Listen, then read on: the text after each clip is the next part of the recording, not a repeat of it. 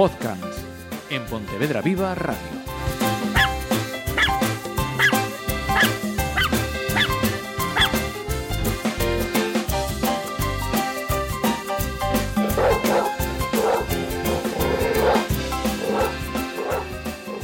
Bienvenidos y gracias por estar ahí, que ya sé que nos estabais echando de menos. Y tengo que decir, yo no sé si Diego Álvarez, eh, nuestro educador eh, canino aquí en Podcast, bienvenido lo primero. Muchas gracias. Se ha dado cuenta que estamos grabando el podcast número 50. Me cago en mi madre mía de mi vida. Uf, 50 programas aguantándome.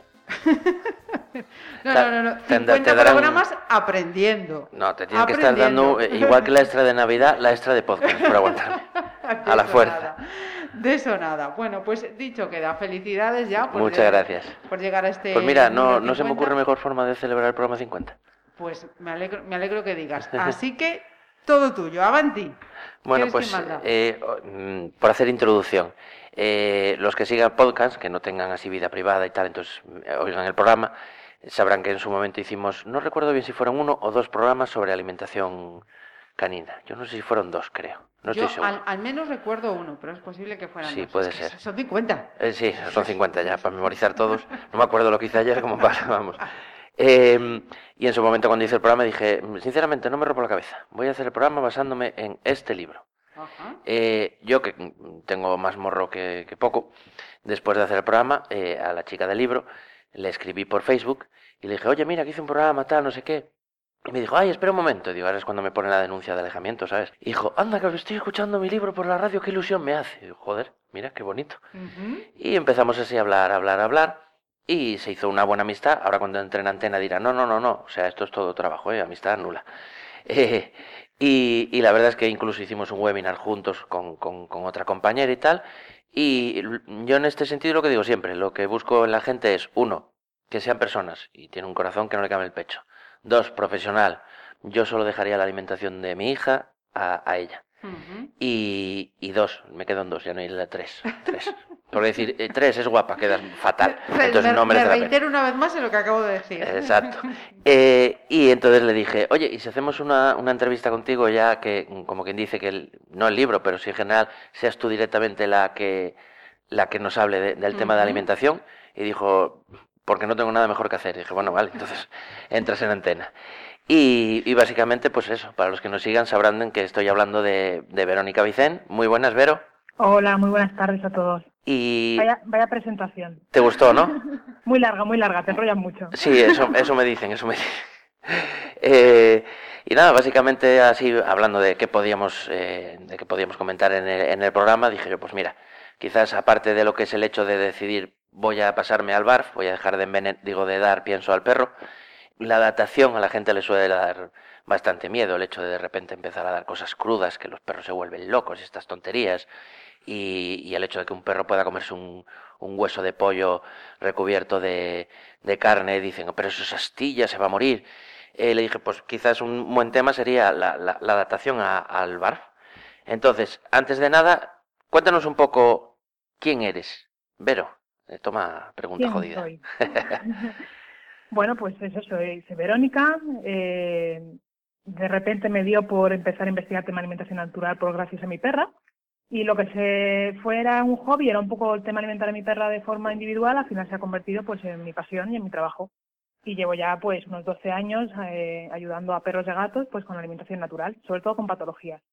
Perfecto. Eh, lo comentamos el día que le- en el webinar que lo tuviste muy, muy jorobado, porque realmente la información que llegaba a- aquí eh, era, era una información que no había en castellano.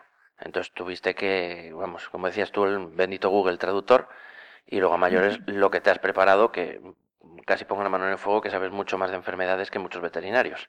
Eh, Otro zasca para los veterinarios. Ya sabemos que no vamos a tener audiencia veterinaria, eso ya te lo digo yo. Vale.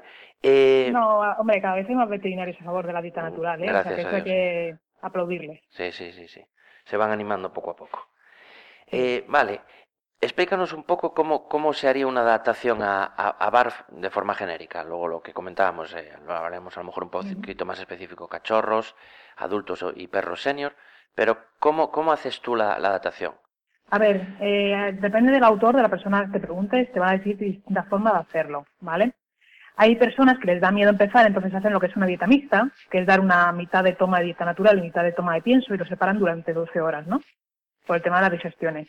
A mí esta forma no me gusta porque realmente no ves los beneficios y el pienso siempre está un poco ahí fastidiando las digestiones del perro. Entonces no me gusta, pero sí que la uso para gente que le da mucho miedo o para perros muy sensibles, que tenemos que hacer el cambio muy, muy, muy gradual.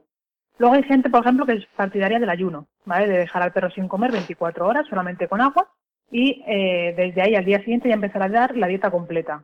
Esto no me gusta porque normalmente hay problemas digestivos, el perro se pone muy ansioso, puede haber vómitos de bilis por el estómago vacío, y bueno, un montón de problemas que la verdad es que no me gusta además. Es una forma de transición que no le va bien ni a los cachorros, ni a los animales viejitos, ni a los enfermos. Entonces, ¿cuál es mi forma de hacer la transición? Súper fácil y que vale para cualquier animal, sea de la edad que sea, de la raza que sea. Una dieta blanda. ¿vale? La dieta blanda consiste en darle de la cantidad de comida que tiene que comer al día, más o menos un 80% en una carne suavecita, una carne blanca como el pollo, el pavo, o en un pescadito blanco, ¿vale? Y luego el otro 20% que lo damos en verduras suavecitas, pues por ejemplo calabaza, zanahoria, eh, un poquito de manzana rallada, Las verduras siempre mejor trituradas y, cocinadas para que se digieran bien, porque los perros realmente no están diseñados para digerir eh, hidratos de carbono. Entonces, de esta manera hacemos que estén predigeridos, por decirlo así. Y así de sencillo es. Bien, eh, yo lo he hecho con tanto con, con Bella como... bueno, realmente no, no, no, fue una transición porque desde el principio tomó, tomó bar, pero sí que es cierto que incluso esta dieta blanda es aplicable en momentos en los que el perro tiene algún problema digestivo, que tenga una, una diarrea, bueno, cualquier mierda que haya comido en la calle o así, eh, es aplicable y la verdad es que cuando eh, otros profesionales recomiendan, no, dale al perro arroz para que deje de tener diarrea, me, realmente... ¿Cómo? Gran error. Sí, totalmente. O sea, si no está preparado para, digerir el hidrato de carbono, meter arroz precisamente es de lo peorcito. Y, y es eso, o sea, Karma en su momento bella, era raro que tuviesen diarreas y cuando las tenían pasabas un poquito al pollo y zanahoria y en dos días estaba el perro, vamos, nuevo, nuevo. Comentabas antes eso, de, de que la transición depende de tal. ¿Hay otros factores que influyan a la hora de, hacer una adaptación si el perro es cachorro, eh, adulto o senior? Factores de cómo hacer las cosas, ¿te refieres? A cómo... Hombre, sí, por ejemplo, los cachorritos obviamente vamos a dar mucha más comida porque son más pequeños y su gasto metabólico es mayor. Y entonces lo que más recomendamos es hacer más tomas. En vez de las típicas dos tomas para perros adultos, pues hacer tres, cuatro tomas al día. Eh, lo que comen realmente es igual. Lo que sí, a lo mejor si es un animal muy pequeñito de tamaño, pues a lo mejor dárselo todo triturado. O cuando son destetados, que empiezan a tener los dientes, pero todavía no, no comen bien, pues dárselo todo exactamente lo que te digo, triturado, incluso con un poquito a lo mejor de la leche materna todavía. Pero por lo demás, en principio los cachorros se adaptan perfectamente. Y con un perro adulto pasaría exactamente lo mismo, no habría problema. Ningún problema. Los mayorcitos sí que, pues eso, tener más cuidado, lo que os digo. Si es un perro muy sensible de tema digestivo, pues a lo mejor apoyarnos en su pienso e ir metiendo poquito a poco raciones de natural separadas, pero poquito a poco. ¿Vale? Pero vamos, generalmente se lo comen bien. Si son sensibles, también lo que podemos hacer es cocinar todo, ¿vale? La carne y el pescado también cocinarla al inicio. O si son tiquismiquis, son perros de estos que no, que no les gusta nada, pues a lo mejor al cocinarlo, como da más olorcito y da más sabor, les gusta más. Entonces podemos empezar así y desde ahí luego con dieta blanda solemos estar una o dos semanas, lo vamos dejando crudito y con esa misma dieta blanda podemos ir introduciendo el resto de, ingredientes de la dieta. Vale. Eh, aunque esto no estaba, ya te dije que te iba a hacer alguna pregunta a jorobar. Eh, exacto. Eh, probablemente lo que más miedo le da a la gente, aparte del hecho de darlo crudo, es la polémica con, los huesos. Explica un poco a la gente, uno, cómo, cómo adaptas a comer, a comer huesos y dos, porque no hay ningún problema a la hora de que un perro coma un hueso, lo que se llama un hueso carnoso, no un hueso ni recreativo ni un hueso cocinado. Claro, algo que tenemos que explicar que es muy importante es el hecho de que son huesos carnosos. ¿Qué significa esto? Que están rodeados siempre de carne. Nunca vamos a dar un hueso sin carne más que los recreativos, que son para entretenerse. Pero el hueso de consumo, el hueso de la dieta, es un hueso carnoso. Entonces siempre tiene que ir rodeado de carne. Aproximadamente la mitad es carne y la mitad hueso.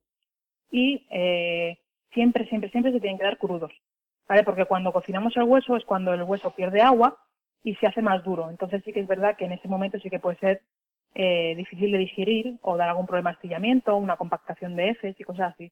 Pero los huesos crudos y rodeados de carne en principio son seguros. ¿Vale? Yo no he tenido, en 12 años no he tenido ningún caso de animal que tenga problemas de huesos con los huesos más, más allá de los que han comido huesos de barbacoa, eh, ¿sabes? Eh, Huesos cocinados. Claro. Eh, incluso, de eso comentaremos después de, sobre tu web y tal, eh, hay niveles de dificultad. Evidentemente no le vas a meter a un perro un, hueso súper difícil de comer en las primeras fases. Claro, eso va a decir. Además, depende también del tamaño del animal. No es lo mismo un cachorrito de, por ejemplo, pequeño de 4 kilos a un mastín de 30 o de 60. Entonces, eso hay que adaptarlo también. El hueso tiene dificultades, por ejemplo, lo más fácil de digerir suelen ser los cuellitos de pollo o las carcasas de pollo, y según vamos viendo que digiere bien, podemos ir pasando a cosas más difíciles como las costillas, las alas y cosas así. y luego eh, el tema también de que a la gente que le pueda dar miedo al inicio, yo también le recomiendo que no hay ningún problema, que se puede dar, por ejemplo, el hueso triturado, sobre todo para que pierda el miedo el dueño, ¿vale? Porque al perro no le va a pasar nada, pero si el dueño tiene miedo, pues al final a mí lo que me interesa es que hagan dietas naturales. Entonces pueden empezar con un hueso triturado y luego poco a poco irse animando e ir haciendo el cambio a huesos enteros. eh, comentabas también, esto es un poco porque por una cosa que me, que me dijeron ayer en, una de las clases, que mm, para facilitar eh, muchas veces eh, lo que haces es en vez de dar, hay mucha obsesión eh, con el tema del perro ya es adulto, le doy una vez al día, pienso y ya está. A mí eso me parece una salvajada. Cuanto más o sea, concentras mucha cantidad de comida en una mm. sola vez y la probabilidad, por ejemplo, de una torsión de estómago es mucho más fácil. Total. Eh, y, en ese sentido, vuelvo a hablar de, mis amigos los veterinarios, eh, a una chica me comentaba, mira, es que le estoy dando, le daba cuatro veces al día y, y claro, te estoy oyendo a ti que ahora dices, yo doy tres y no pasa nada. Y el veterinario me dice, no, no, no, dos veces al día y tal. Eh, explica un poco cómo influye el hecho de dar más o menos tomas, porque lo acabas de comentar en el sentido de decir, eh, doy más tomas y la digestión evidentemente es más fácil. Claro, a ver, hablando de perros sanos siempre, eh, dos tomas podría estar bien en un adulto, ¿vale? En cachorros siempre más por el tema de que al final son eh, intestinos que no están preparados todavía, son animales más sensibles, entonces tenemos que ir con menos cantidad de comida más veces para simplemente que asimilen mejor los nutrientes. Si tú a un animal le das una cantidad de comida muy grande de golpe, lo más normal es que la mitad no la digiera. Y luego lo que vamos a ver pues son heces muy grandes. Entonces, si damos dos tomas, tres tomas, lo que hacemos es que asimile mejor los nutrientes y al final pues aporte más valor nutricional y eh, que es lo que nos interesa, ¿no? Que, el animal esté nutrido. Entonces es mucho mejor dar dos, tres tomas. Además, eh, también he comprobado pues perros ansiosos eh, que les das una sola toma o perros con problemas de obesidad, al final siempre lo pasan peor. Entonces van mucho más ansiosos a la, a la toma de comida y es un problema también que se puede llegar a ser un problema de conducta, que al final haya un problema de recursos, de protección de recursos. Claro, eh, en ese sentido incluso con el tema de lo de los huesos y tal, si el perro es muy ansioso o no, en, en, el libro eh, das eh, truquillos, el hecho de, pues empieza dándoselo, sujetándole tú el hueso al perro para que aprenda a masticar, que no sea, ostras, esto es nuevo, no, no, no huele a pienso, me lo, me lo ingiero a lo loco. Entonces, eso es un poco es eso, perder el miedo, porque realmente, a ver, eh, tú a tus perros les das barf. No creo que recomendases a nadie dar algo que hiciese mal si se lo estás dando a tus perros. No, tiene mucho sentido. por supuesto. Exactamente. Además, yo lo que recomiendo es lo mismo que hago con los míos. Exactamente. En el tema de la adaptación, eh, bueno, hay muchas, mucha mitología, lo del tema esto de que el perro se vaya a hacer agresivo porque toma, toma carne cruda, chorradas de estas. También le da mucho, mucho miedo y, es fundamental en la dieta eh, a la gente lo de dar el tema víscera. Explica eh, que evidentemente tiene que tomar víscera y por qué. A ver, las vísceras son muy importantes, es una parte pequeñita porque es un 10%, pero nos aportan, por ejemplo, las vitaminas liposolubles, como la vitamina A, la vitamina D, que son, pues eso, muy importantes para llevar una, un equilibrio nutricional. Entonces, si no damos vísceras, de hecho hay que meter suplementos extra. Porque a lo mejor hay animales que no les sienta bien o lo que sea, no le gusta y hay que meter suplementos. Entonces, eh, es importante, lo que sí es importante es decir, Vamos a congelarlas durante una semana por el tema de que pueda haber algún tipo de bacteria, patógeno, ¿vale? Para eh, estar tranquilos con el tema de las bacterias que dan tanto miedo. Y luego, pues empezar siempre dando la mitad. Yo siempre empiezo con la mitad porque son productos que son fuertes, entonces es fácil que pueda haber algún tipo de diarrea, una caca más blanda. Entonces me gusta empezar siempre con la mitad de cantidad. Igual que con los huesos carnosos no me gusta el 50% de golpe, igual. Me gusta empezar con un 20% o con un cuellito nada más y viendo cómo le sientas. Y ya por último, ya no te mareo más. Eh, la gente también se pregunta mucho, eh, tanto eso, en la adaptación como en el proceso de ya dar barf, dice, ¿y, y cómo le, qué cantidad le doy? Hay unas tablas, evidentemente, eh, pero también hay que adaptarse un poco al perro que tengas. Muy, muy importante esto, estamos hablando, y lo has recalcado tú por lo menos un par de veces, que estamos hablando de perros sanos. Si el perro tiene alguna patología, se da barf, y de hecho te va a durar más el perro si das barf que si das otras cosas, pero que estamos hablando en general de para perros sanos. Explica un poco eso, el tema de lo de las cantidades, porque la gente dice, ¿y, ¿y qué le doy? Pues venga, hoy te doy un filete de ternera y una zanahoria, ya está. No, hay, que, hay que saber alimentar. Claro, de hecho, en perros con patologías normalmente los porcentajes de la dieta BARF tampoco nos sirven. Hay que adaptarlos a esa patología. Pero bueno, en norma general, primero la cantidad de comida, lo que tú dices, eh, son porcentajes orientativos, entonces nos tenemos que centrar más en cómo vemos al perro, de que no esté gordo o que no esté muy delgado, más que centrarnos en eh, como, como tiene 5 años, tiene que comer un 2%, no. ¿Vale? Nos centramos más en, su, en, el aspecto visual. Entonces, normalmente los cachorritos se va dando desde el 10% de comida hasta el 2-3%, ¿vale? Según la edad. Desde los dos meses, pues según va creciendo de meses, va bajando la cantidad de comida.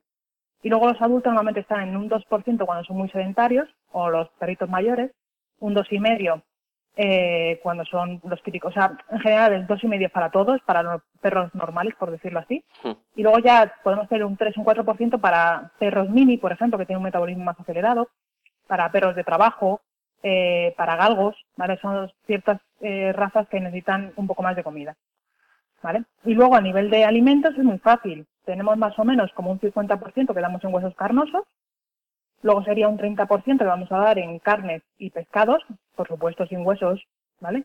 y, el pescado sí que hay que decir que puede tener espinas cuando son pequeñitos. Luego un 10% que será víscera, en el que es muy importante que la mitad aproximadamente sea hígado, y otro 10% que vamos a dar en parte vegetal, es decir, tanto verduras como frutas. Es importante eh, llevar un control de los porcentajes, ¿vale? Porque precisamente hoy he tenido una chica que me decía que daba dieta bar y daba 700 gramos de huesos carnosos, 100 gramos de carne y 100 gramos de vegetal. Eso es horrible y no sé cómo el animal le ha durado tanto.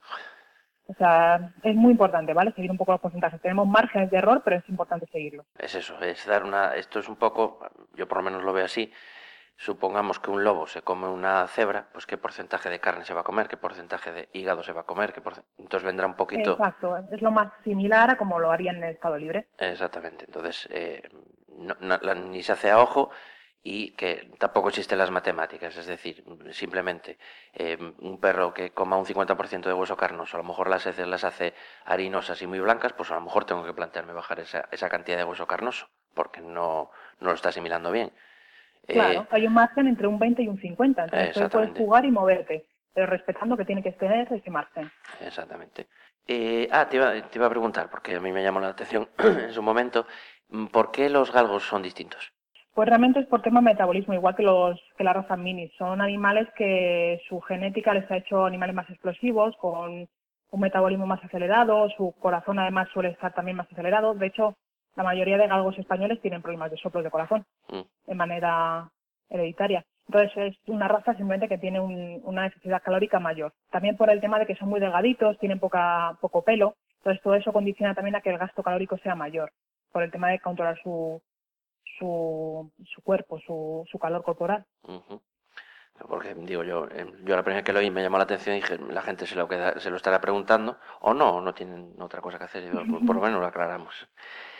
Y en principio, eh, nada más. Eh, sí que damos la oportunidad, pues en su momento con Edurne y con cuando vienen los compañeros de CAM y tal, de que de que marketing y publicidad, que coño, ya que no te pago, pues por lo menos te haces publicidad. Entonces, eh, dinos formas de, contacto contigo, eh, teléfono, web, todo lo que tienes, que tienes el pack completo. La página web que tenéis es naturzo con dos ¿vale? Y me podéis encontrar por vía email, tenéis para hacer consultas. Eh, luego por Facebook también tengo la página de Naturzo Natural. En Instagram también tengo Naturzo Natural. Eh, luego, bueno, por teléfono, no sé si quieres que dé este teléfono. Eh, sí. El del Naturzo. Pues es 679 90 52 76. ¿Vale? Ahí también tengo un horario que podéis eh, localizarme. Además, la- los seguimientos de las dietas que hago personalizadas las hago por WhatsApp y tal. Y eh, pues nada más. Bueno, comentaros igual que tengo dos libros, como habías dicho tú, Exactamente. que son Yo te- Dieta tengo los dos. para perros sí. Y Dieta Barf para gatos, ¿vale? Exacto. Porque tanto como perros como gatos pueden hacer una dieta natural. Tienes que sacar el durones ya, ¿eh? No, realmente el durones le añado al de gato porque más o menos eh, se pueden Ah. manejar igual. Anda bien. Para, pues si hay gente que nos está oyendo que tenga hurones, también pueden darle dieta natural. Exactamente. Eh, vale, pues yo creo que en principio, en principio nada más. Siempre en, en los programas de radio eh, tenemos varios clásicos. Uno es la adopción. Esta semana no, no me dio la vida para buscarlo. O- Eh, otra es eh, el libro que recomendamos. Dije yo, pues nada, recomendamos un libro de Barf que no sea el de Verónica y quedó como el culo. No, eh, recomendamos lógicamente el, el de Dieta Barf para perros de, de Verónica Vicent. Eh, ya os digo, o sea, salvo que haya un programa orgánico, si eres un poquito espabilado, yo lo hice, con lo cual lo puede hacer un mono. Eh, con tu libro puedes hacer una buena adaptación a Barf y darle de comer el resto de tu vida a Barf a tu perro sin romperte en exceso la, cabeza, evidentemente. Luego a nivel suplementación, complementación, tal, si ya eres un, un friki, mm, poneros en contacto con, con Verónica, que vamos, encantada de la vida. Y lo de siempre, eh, si tenéis cualquier, cualquier duda, eh, nos podéis escribir a podcast.gmail.com y siempre también tenemos otro, otro clásico que es la frase.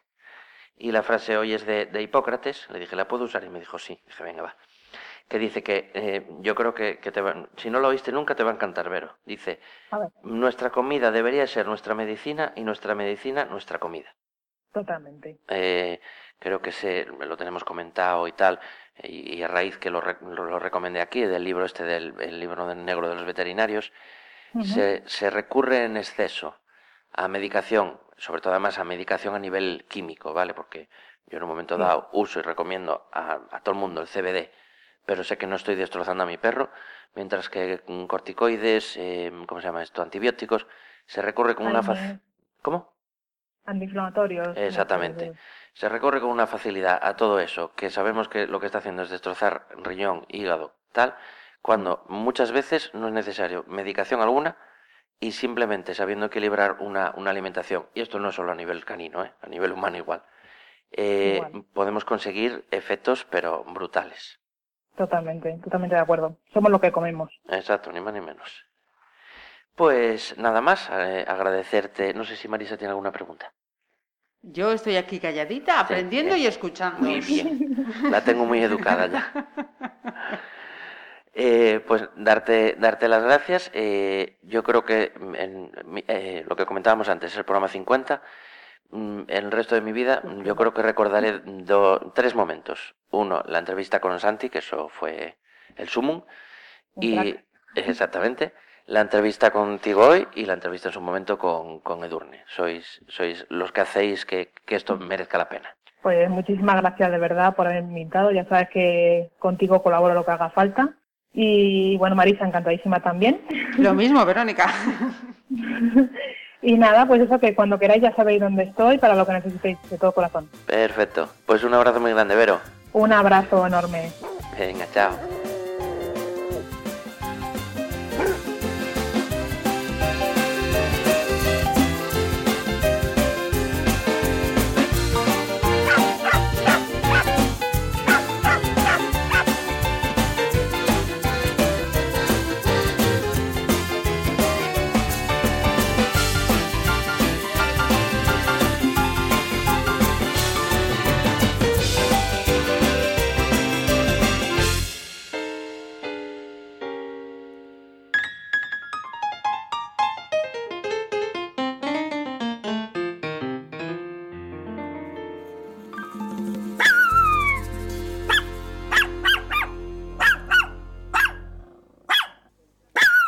Podcans en Pontevedra Viva Radio.